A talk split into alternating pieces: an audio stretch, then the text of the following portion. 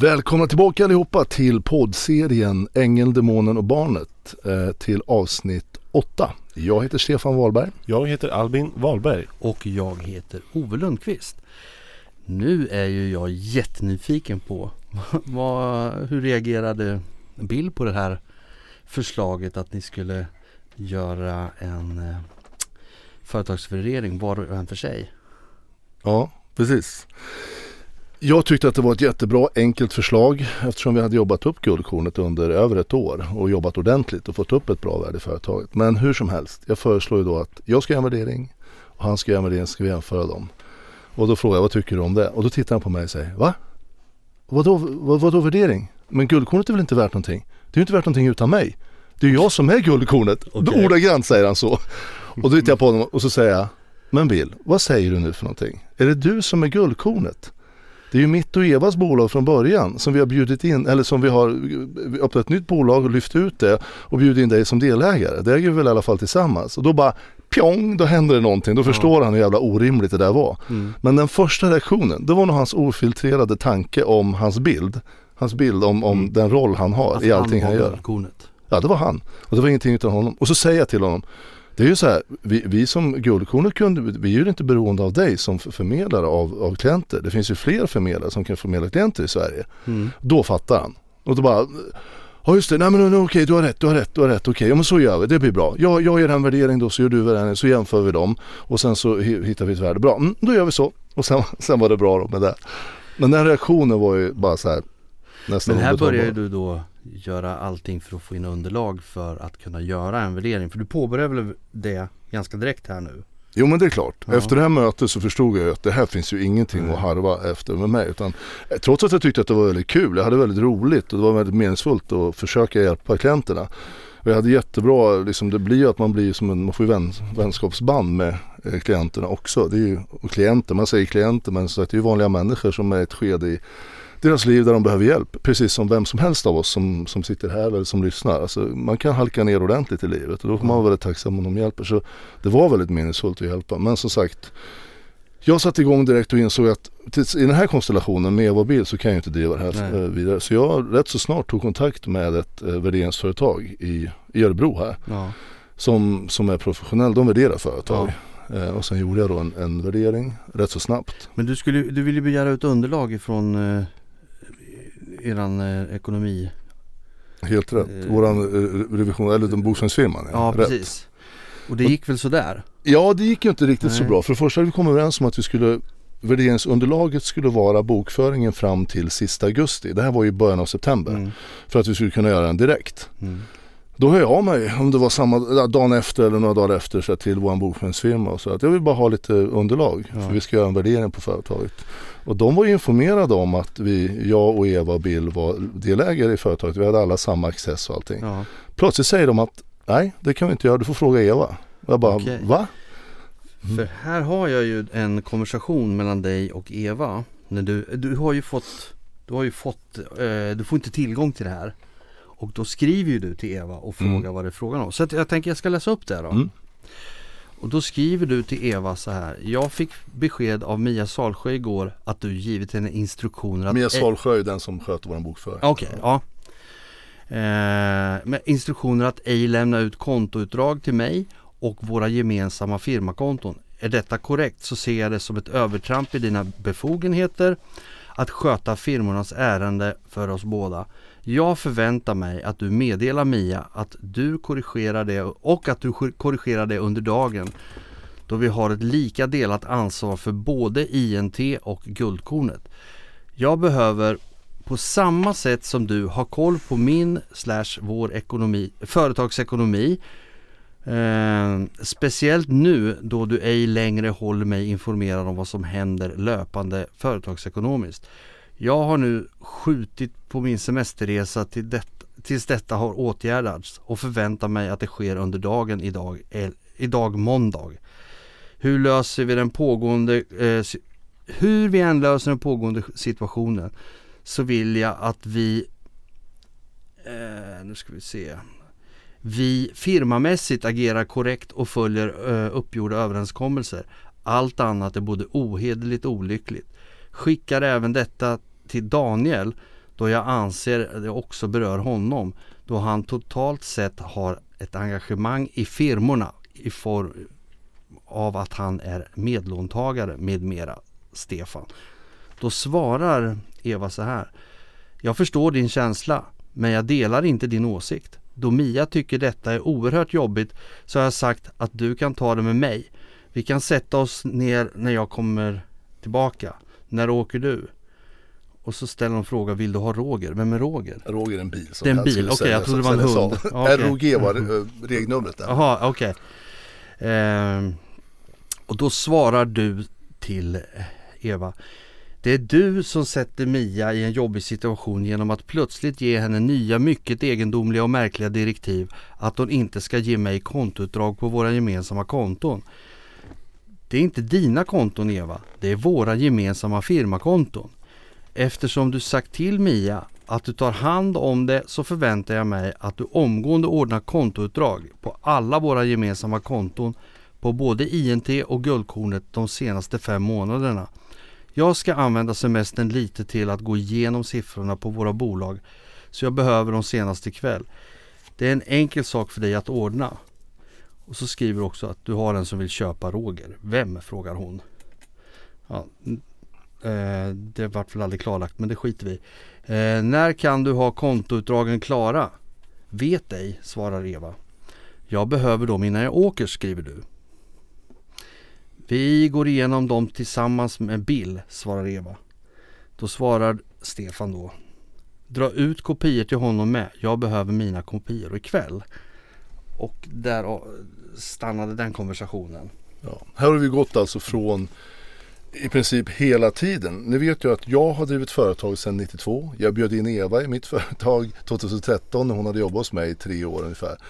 Och då vet ni vad som hände då också. Så hon vart ju på pappret ägare till företag. Men hon bjöds in och var hälften delägare. Vi har delat upp. Men hittills har det varit så att jag väldigt, till väldigt stor del har skött liksom alla viktiga beslut. Men jag har ju tidigare då valt att ta med Eva mer och mer liksom för att lära henne hur det funkar att vara egen företagare. Ja. Här plötsligt har hon nu på Bills direktiv, det är inte en avancerad gissning, eh, tagit kommando liksom och tagit över och vägrar att ge mig eh, utdrag på, på kontona. Eh, och det är, ju, det är ju mina och våra ja. firmakonton liksom. Inget konstigt alls egentligen. Men eh, vi pratar ju om de här typen av personerna som gärna manipulerar så att de får som de vill. Det här är ju mm. bara en sak så det börjar trappas upp här. Jag får liksom inte tillgång till så jag kan inte göra den värdering som vi gemensamt kom överens om, överens om att jag ska göra.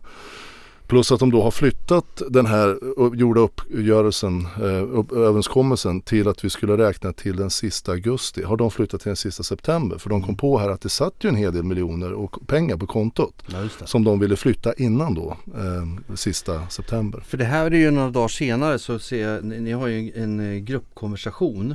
Mm. Du, Eva och Bill. och där skriver du, du börjar med att skriva så här.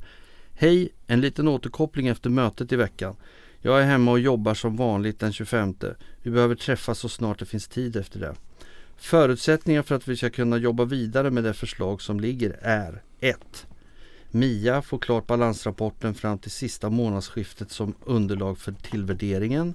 2. Våra värderingar som du, Bill och jag ska ta hjälp med att göra är klara. 3.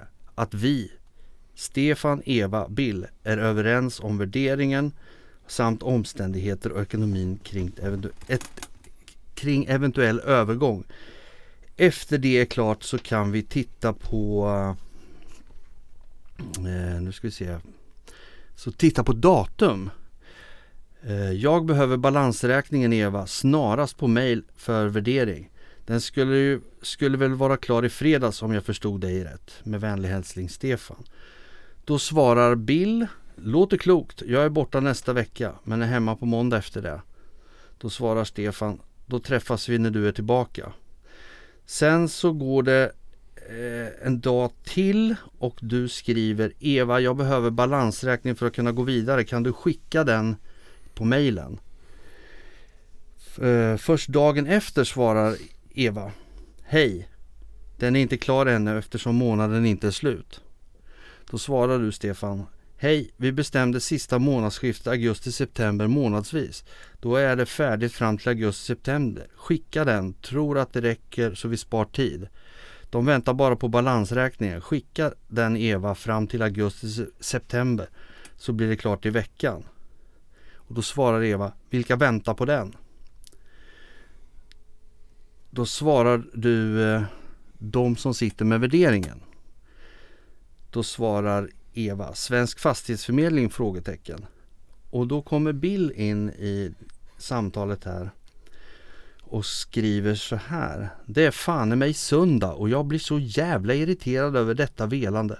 Vi sa sista september till ekonomitanten och du Stefan pratade med mig i torsdags eftermiddag. Jag pratade med Eva om det och vi skulle höras när jag var tillbaks. Nu ser jag att det skrivs under helgen. Vilka i helvete ska gå egen, vilka i helvete ska gå egendombalansrapporten, äh, gå, han måste skriva få tror jag, balansrapporten på en söndag. Eh, och så skri- fortsätter han skriva, jag tänker inte svara igen, jag stänger av nu och tänker träna vecka.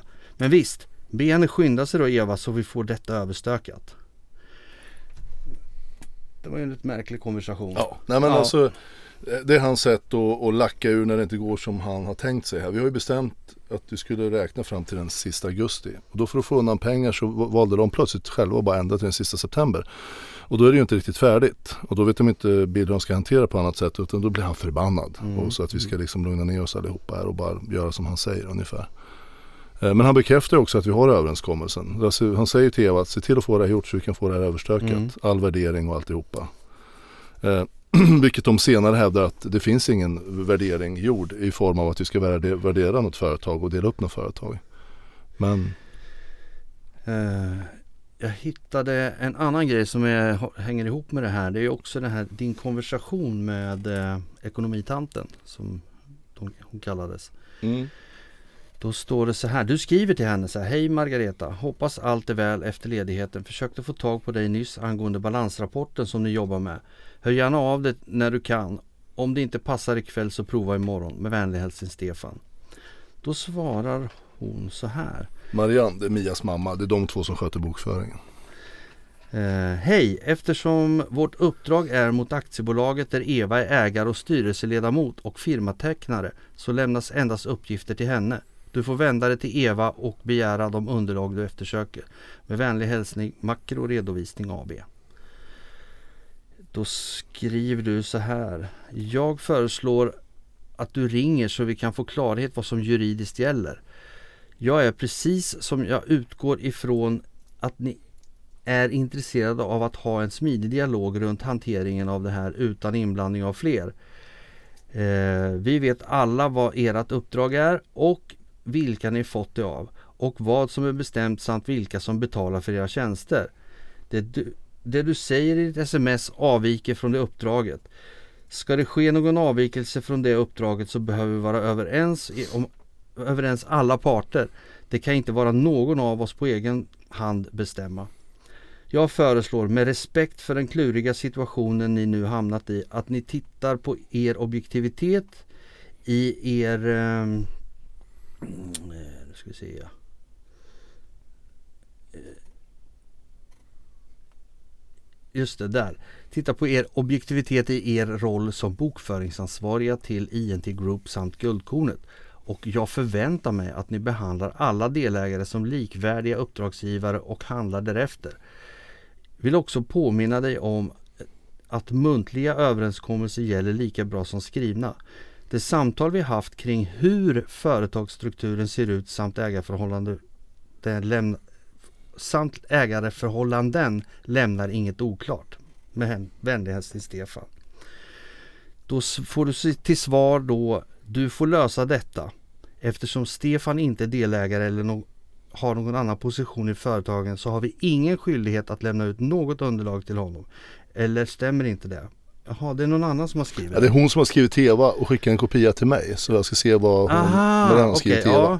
Eva. Det skrev hon till Ja, Eva. för hon börjar bli osäker hur hon ska hantera det här. För hon vet ju att vi har kommit överens om att vi delar, hon vet ju precis alla detaljer. Hon vet ju att jag är delägare 25%, Eva 25%, Bill 50% i guldkornet. Hon vet att jag och Eva är 50-50 delägare i INT. Och det var ju, de, de var ju väldigt noga när vi började med bokföringen där. Och det här var i årsskiftet 16-17. Vi gick Ja. över från en annan pensionerad eh, dag, jättetrevlig dam som hjälpte oss med bokföring till de här för att få en professionell företag som sköter det. Och då ville de, för de såg att det var jag som tog mesta besluten och jag som pratade då sådär mest och då ville de träffa oss för att reda ut ägarförhållandena och då Mm. berättade vi exakt precis som det är. Att jag är delägare och att vi, vi har INT tillsammans och att vi har guldkorn tillsammans på de procentandelar vi har. Bra, då visste de det. Det är därför vi har haft egna konton som heter till och med Stefans konto, Evas konto och Bills konto på guldkornet. Och sen har vi haft egna konton och kontokort även på INT, jag och Eva. Som Mm. är, knippar, förknippar och knutna till oss som Ja, privatpersoner. det. Men eh, så det är inga, inga konstigt någonstans. Men här har ju då Eva gått in och sagt eh, att de ska inte lämna ut någonting till mig.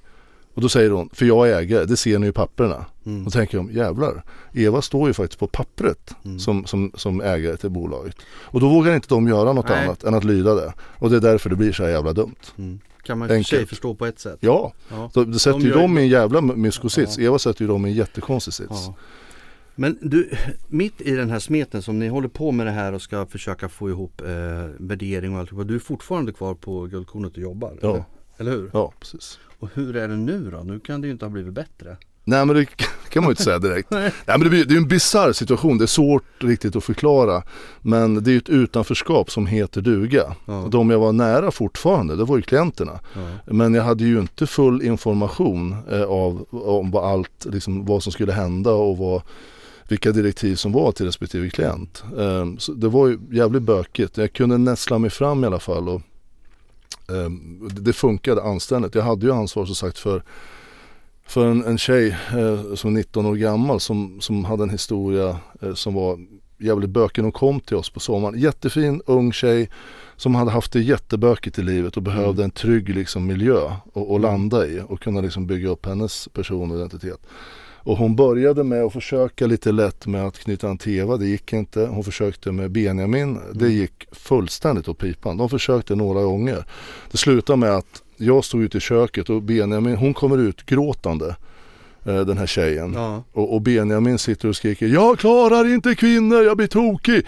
Jag klarar inte kvinnor. Jag bara, nu lugnar du ner Det här är ju det, inte Ja, professionellt. det är så långt från professionellt så det, det bara, jag sa, det gick inte om, så, så vänta lite sa jag till henne då. Den här tjejen, så, så kommer jag tillbaka till det. Ja, nu lugnar du ner sa jag till Benjamin, så stängde jag dörren och så pratade jag med honom och sa det här, det här får inte hända. Nej. Ja, alltså, du ska ju knyta an till, jag klarar inte kvinnor Stefan. Och vi, vi var ju inte på god fot där men Nej. jag var ju fortfarande kvar och liksom det här var helt oacceptabelt. Och då sa jag till honom, nu, nu är du tyst och lyssnar sa jag, för jag var tvungen liksom gå in. Jag, jag tar hand om henne och försöker liksom att att knyta an till henne, för hon behöver någon trygghet här. Mm. Och det här går inte. Nej. Och han bara, ja men ja, du vet ju jag klarar inte kvinnor. Nej nej, skit i det nu. Det är inte det som är viktigt, det är hon här ute som är viktig. Mm. Och efter det så, så, och det här hände på sommaren, då försökte jag knyta an till henne och det tog säkert en månad. För det här var en jättefin eh, liten tjej som, som hade haft det jättetufft, som inte litar på någon. Nej. Men det tog säkert ja, någon månad. Men sen så började hon förstå att jag finns här, jag står här och jag kommer liksom göra allt vad jag kan. För att hon ska få den hjälp hon behöver och liksom stötta henne i det hon behöver. Så du var hennes kontaktperson Ja, och jag vart ju liksom hennes och- trygghet ja. där. Och jag träffade henne dagligen för det var så liksom hon, hon litade inte på någon annan på det sättet. Jag kunde liksom gå i god för andra personer sen som hon sakta kunde utöka liksom sin, Mm. sin trygghetsram om man säger så. Ja, så ja. Men, men det var mycket genom mig och det var det helt okej liksom. Det var jättebra att hon knöt an till någon där.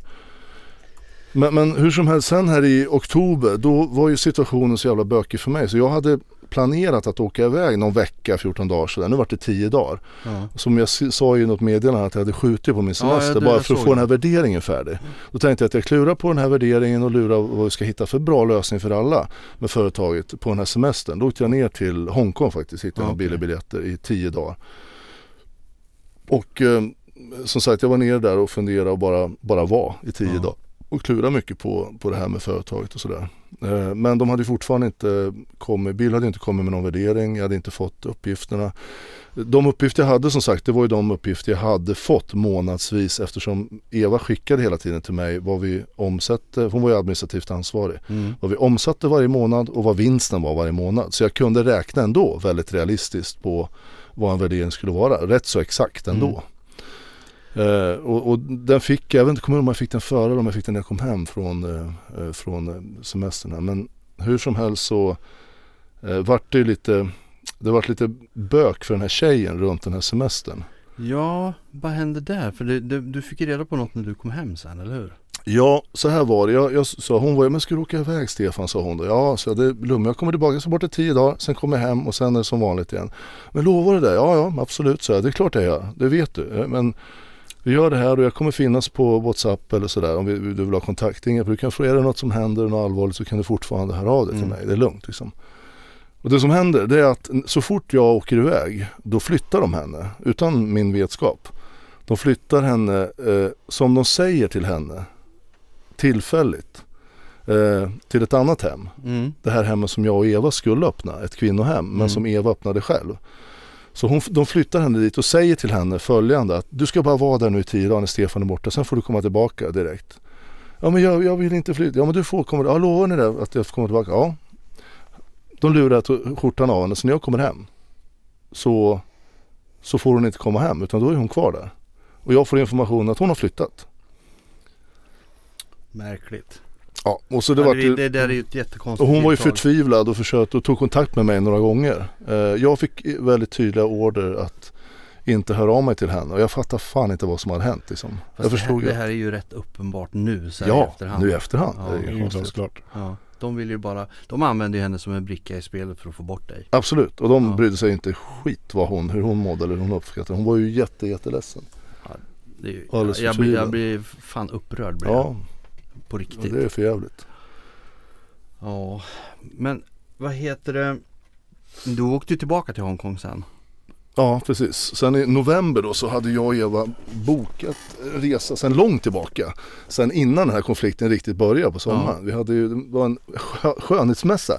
En av våra affärsidéer tidigare, det var, som vi hade kommit rätt så långt med, det var att köpa eh, skönhetsmaskiner, sådana lasermaskiner nere i Asien eh, och ta hem och sälja och öppna skönhetssalonger i, i Sverige bland annat och Norden. Mm. Hur som helst så hade vi väl inte glömt det. Vi hade bokat den här resan och jag tänkte, nu var det ju konflikt mellan mig och Eva kan man ju lugnt säga. Vi Ja, var ju ja. väldigt långt ifrån varandra. Men jag tänkte, jag åker ner på den här ändå.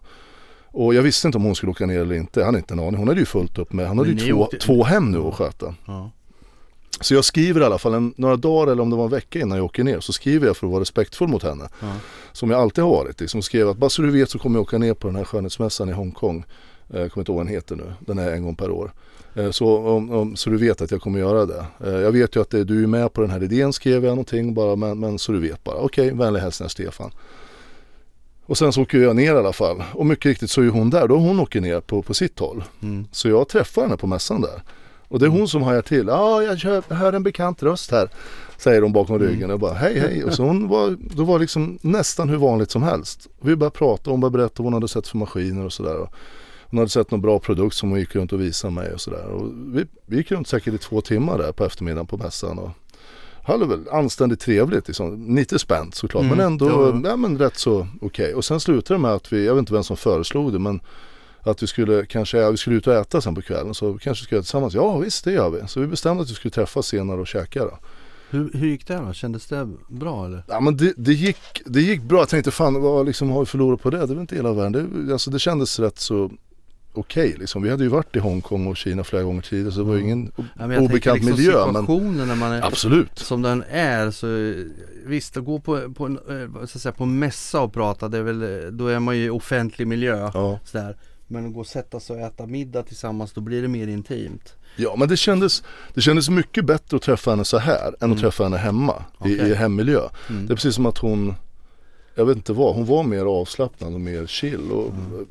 Man kunde se i alla fall att hon ja, men uppskattade det på något sätt. Att vi liksom hade ändå ett gemensamt utbyte eller vad fan man ska säga. Att det liksom det funkar. Men hur som helst, vi träffas på den här, träffas på den här restaurangen och jag, vi missuppfattar så det är fel ställe. Så hon har börjat käka den när jag kommer men hon beställde mat till mig. Och sen satt vi och pratade i säkert en, en och en halv timme. Och första halvtimmen var hon väldigt spänd sådär. Ja. och frågade lite så här, men jag sa fan vad tråkigt att det har blivit som det har blivit. Då kunde vi liksom prata avskalat utan Ja. massa bill och massa guldkorn och massa stress runt omkring som Ja. det var att driva det. Vi, vi levde ju ett väldigt stressigt liv hemma i, i Sverige. Eh, och så frågade hon liksom, Stefan, eh, vad, vad, vad, sa, vad sa du till Peder egentligen? Säger hon till mig då. För hon, var väl, hon börjar förstå att hon kanske inte har fått liksom rätt. Och då sa jag det, bara, jag sa, och så berättade jag vad jag sa Ja. exakt vad jag sa. O- Oförträtt bara helt enkelt att jag var, det var svårt att samarbeta och jag var orolig för. Och jag var väldigt mån om att hon inte skulle liksom fara illa på något sätt. Att det skulle missuppfattas det här Mm. samtalet. Och att jag liksom, jag vill ju liksom att det ska funka men vi, av någon anledning så håller vi på liksom mer och mer och glider isär från varandra. Jag är orolig för och det börjar bli svårt att driva hemmet. Mm. Hon bara, hon satt hon och tittade på mig lite så här, lite så här som hon undrar. Hon, hon såg nog på mig att jag menar allvar. att, Ja, jag ja, ja. pratade, att jag pratade liksom att jag inte ljög eller så. Utan att jag var sanningsenlig. Och sen pratade vi lite till och sen plötsligt bara så sitter hon så här och tittar på mig. Så ser jag tårar i ögonen på henne. Så säger hon bara Stefan. Och då liksom ser jag, då ser jag som jag kallar det, den gamla Eva. Och då känner jag bara, då säger hon Stefan, bara sitter och tittar på mig och säger Stefan, förlåt för allt jag har gjort mot dig. Alltså förlåt för allt jag har gjort mot dig, säger hon. Och jag bara, Undrar om det går upp för henne att som det här, att vad Bill har sagt att det har varit en lugn som har drivit henne till att gjort andra saker. jag, jag, jag vet inte. Hon Är måste ju bäst- ha fått ett, eh, så här, ett aha moment. Ja, Känns det som. ja men, För, för den reaktionen som säger när man blir så med tårar i ögonen och säger verkligen genuint säger förlåt Mm. för vad man har gjort. Alltså jag, jag, jag tror att det var att nostalgin kom över henne och hon insåg hur mycket fint ni har haft ihop och hur du liksom Hon har trott lite grann på att du har börjat vända dig emot henne för att Mm. Jag vet inte, man projicerar på andra som man är själv eller någon sån här Mm. grej eh, Men att hon sen inser att jo men Du har ju faktiskt velat väl hela tiden och Ja men bli påmind om Allt ni haft och hur liksom Ni har det lite mysigt där antar jag. Ni sitter och käkar middag Mm. och det Ni har ju bra stämning och det är liksom mm. jo, men, Men alltså, hon så, sa så tolkar jag det. Hon sa aldrig till dig vad Bill hade sagt till henne då? Nej, Hon gjorde nej inte det? han sa inte. Och, alltså, jag tolkar precis som du Albin framförallt är inne på men också att i den bästa av världar så tänker jag att hon Alltså vi har alltid funkat väldigt bra. Ja. När vi har varit ute, hon har ju sagt det massor, nästan varenda gång vi har varit ute och rest. Vi har ju rest, jag vet inte hur många gånger, till både USA och Asien och Europa och allt möjligt. Under ett antal år där. Men, men hon har alltid sagt när vi varit ute att hon mår så bra när vi är ute och reser, hon och jag. Liksom. Hon har alltid känt sig så trygg med mig och hon liksom, och det har hon kunnat gjort med. Mm. Jag skulle, det ska man inte säga för då händer väl någonting. Men, men sådär du vet, vidskepligt. Ja, Men ja. alltså jag skulle kunna ge mitt liv och det, det, det finns ingenting som skulle kunna, hon kunna råka ut för som inte jag har varit med och gjort allt vad jag kunnat. Ja, för, för liksom, och men att hon ska känna sig trygg och må bra och sådär. Det har varit väldigt viktigt för mig. Och vi hade det väldigt bra. Och jag tror att när vi satt där, bara hon och jag, väldigt långt bort ifrån där hemma. Jag vill tro det i alla fall. Som sagt, i de bästa världar Mm. kan man önska att det var så att hon kände att fan, liksom, fan att det vart så här. Det hade det Ja. inte behövt blivit. Mm. Men att hon liksom hade blivit, och anar det här att Bill är, för jag, sen började vi prata om, efter det så började vi prata om att Jag sa det, alltså helt ärligt Eva, jag, jag tycker Bill är, han är farlig, det är ingen bra person. Nej. Alltså han, han, han, allt han tar i blir som en, jag tror jag använde ordet till och med, som en pest. Ja, alltså allt han går fram och så bara köp, droppar pest så här. Och så blir man helt beroende av honom och helt köpt Ja. och insyltad i hans grejer. Eller så blir man eh, alltså motarbetad. Mm. Och är man riktigt, har man riktigt otur då blir man mosad av honom. Liksom. Mm. Han är sån. Han är, han är, och, Vad- vad- och, och, då, och då är hon med på det. Hon säger hon bara, men, ja men, ja, ja säger hon. Men vad ska vi göra då, säger hon. Och jag bara, ja men, och då liksom vart jag lite paff att hon liksom var med på ändå det. Ja. Som, för hon, hon, de var ju väldigt nära Bill här.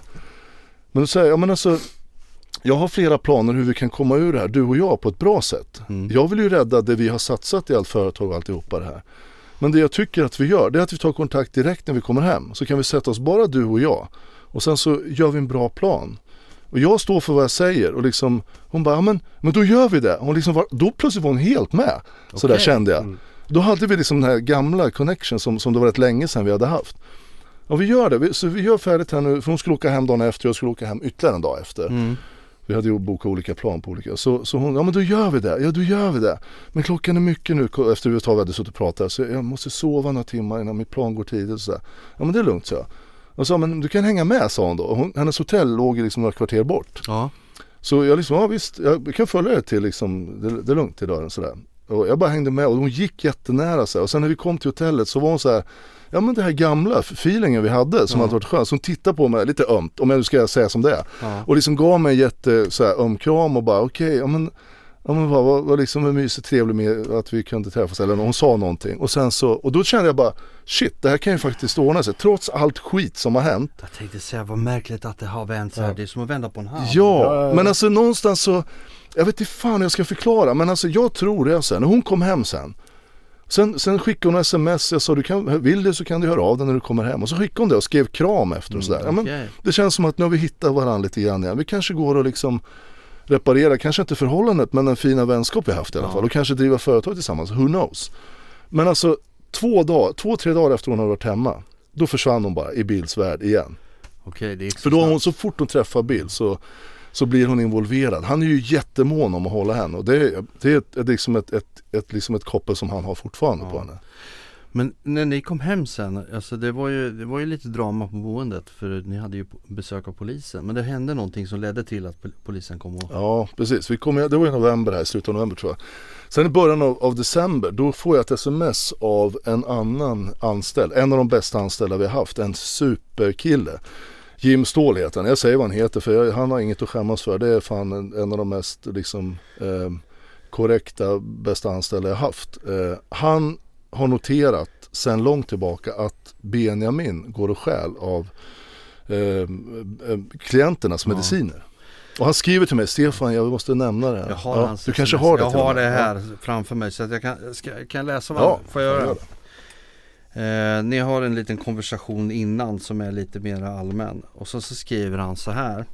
Jag kan bara tillägga att Benjamin dessutom har tagit av klienternas mediciner när jag varit på kontoret.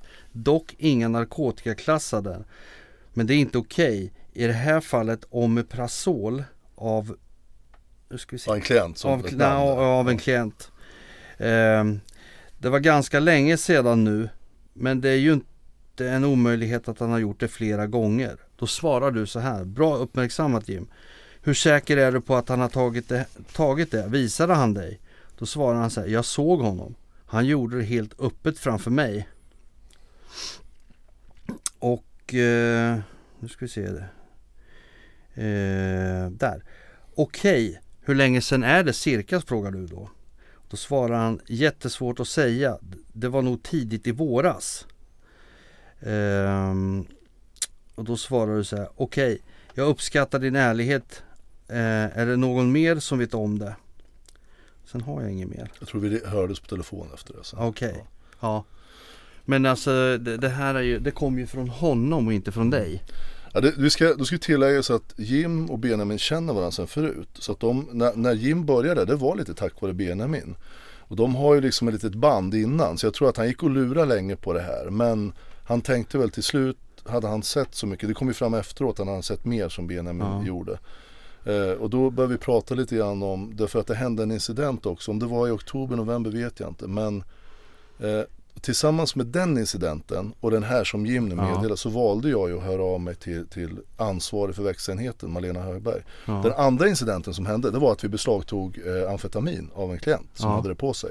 Och det var rätt mycket. Och de som var i rummet då, det här berättade Jim för mig. Det var Jim, det var Benjamin Bjerner och det var, eh, han heter numera då Josef Ståhl. Josef Stark, förlåt, inte Ståhl, Stark. Josef Stark heter han, det är ju Evas man Ja. numera.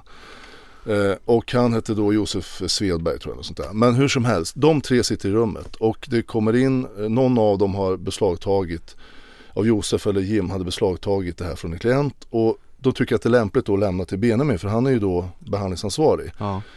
Och då bara oj vad är det här? Ja men du, han, han är väldigt duktig på droger Benjamin. Han har ju drogat i hela sitt liv innan han kom till Guldkornet. Ja. Och fick vi reda på att han fortsatte sen också. Men hur som helst, han tittar på det här. Kolla här Jim, säger han. Det här berättar Jim för mig. Väldigt Ja. trovärdigt. Ja. Jim, han, han, jag har aldrig upplevt att han har överdrivit eller ljugit någon gång av Nej. alla gånger jag pratar med honom. Så han säger vad som hände. Och då hade Benjamin tagit det här sagt det här luktar på. Det här är, det är så här, det här är bomullstjack. Det är inte ofta man ser det här. Det är någon variant. Tjack det är ju slang Mm. för amfetamin och det här är någon bomullstjack. Det är någon slags variant som, som fanns lite förr i tiden men inte dyker upp så ofta. Hur mycket är det då? Säger, säger eh, om det är Josef eller Jim. Så väger de ungefär så här. Ja men 20-25 gram någonstans. Lite drygt 20 gram. Okej, okay. men, men jag tar hand om det här. Så får vi ringa polisen då säger väl Jim. Ja visst. Och så ringer de väl polisen. Inte direkt men det som händer är att, att Benjamin stoppar ner i fickan. Mm. Sen några dagar senare så kommer polisen. Och samma personer, Jim, Josef och Benjamin sitter i rummet och polisen kommer in. Ja, här är det i alla fall. Så plockar Benjamin upp det här. Och så ska de ju väga det då. Ja, här lägger han fram det. Okej, väger de det? Fem gram väger det. Okay. Och Josef säger, Josef Stark, han säger, men vad fan är, vad fan är resten? Och Benjamin, det här är enligt Jim väldigt trovärdigt, Benjamin ger Josef en blick. Så Josef bara, ja men det är väl bara det där då, säger Benjamin. Ja okej, okay, då är det bara det. Så hans första automatiska reaktion Josef, det var ju, vad fan är resten? Ja, Därför att det hade försvunnit något på vägen. Ja. Den där incidenten fick jag reda på då av Jim. Plus att Jim hade sett med egna ögon att, att eh, Benjamin hade tagit mediciner. Ja. Klienters mediciner som är så jävla tabu så att det liksom, ja. det finns inte.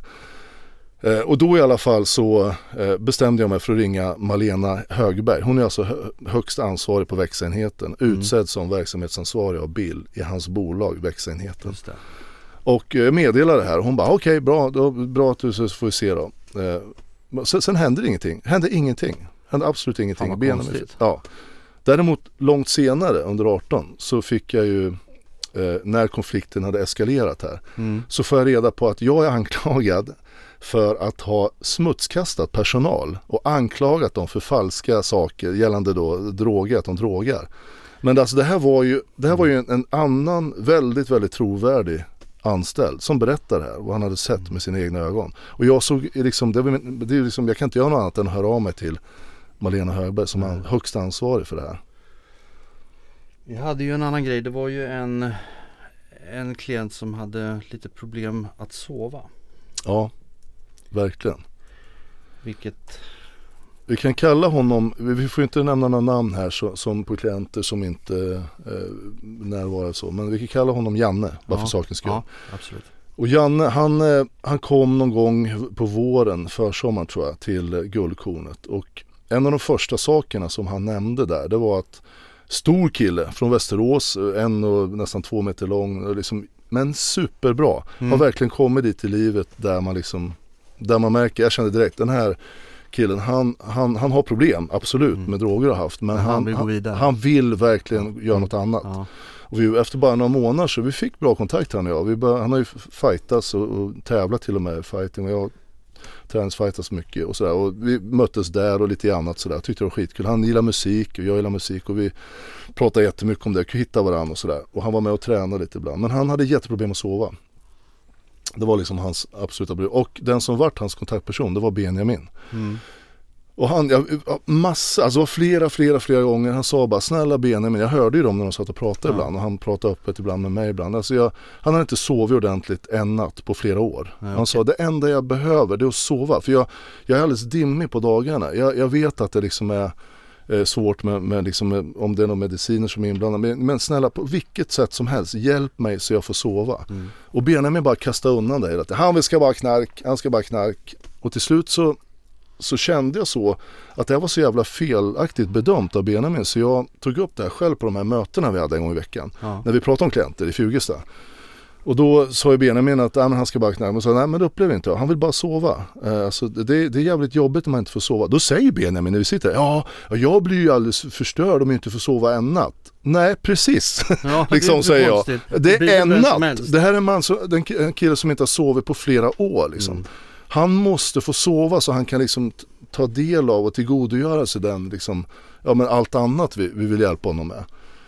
Eh, och jag verkligen kämpa för det. Vid några tillfällen tog jag upp det. Men i och med att Bill och Peder och Malena var med och de är ju styrda av Bill på det här mötet. Mm. Så, så var det var ju, det var ju Benjamins ord som gällde. Mm. Ni vet ju vad som, vad som har hänt här un, mm. under liksom 2017 och hur de har försökt få bort mig och Benjamin. Allt han säger det var liksom bara det var lag ungefär. Mm.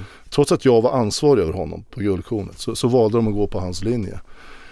Det, det, det slutade inte bättre än att han, för att få sova i ren desperat liksom, så här, situation så tar han, går han till apoteket och, och snattar såna här Lopramid heter det. Okay. Det är ett, ett, liksom ett medel som du äter egentligen för magen. Men äter du många, drar du i dig en karta, då, då, då funkar det som ett lugnande, lugnande drog. Liksom. Det är väl någon lätt opiat i det. Ja, precis. Då får du den effekten. Och, och han gjorde det här under, vad jag vet efteråt, troligtvis eh, lite på sommaren men under hela hösten. Och det som händer, det är att det sliter väldigt mycket på kroppen. Ja. Och nu var det så här, det var eh, julafton. En annan klient som heter Gabriel skulle möta Janne vid frukosten på, Mm. på boendet. De bodde båda i varsin lägenhet men de skulle mötas på boendet för lite julfrukost där. Gabriel går dit, Janne dyker inte upp där. Nej. Så Gabriel börjar undra vad fan som har hänt för de hade spikat att de skulle käka julfrukost. Så han börjar bli lite orolig, går tillbaka till Jannes lägenhet, eh, går upp för trappen, knackar på, ingen som svarar. Han tänker, vad fan han är inte här. Men han har en reservnyckel Ja. som han sticker in. Och så öppnar han dörren. Och vad får han se? Vi kör det i nästa avsnitt tycker jag. Okej. Det blir en Ja. cliffhanger. Det. Jajamän. Tack för nu. Hej. Tack, tack, hej. Tjaba.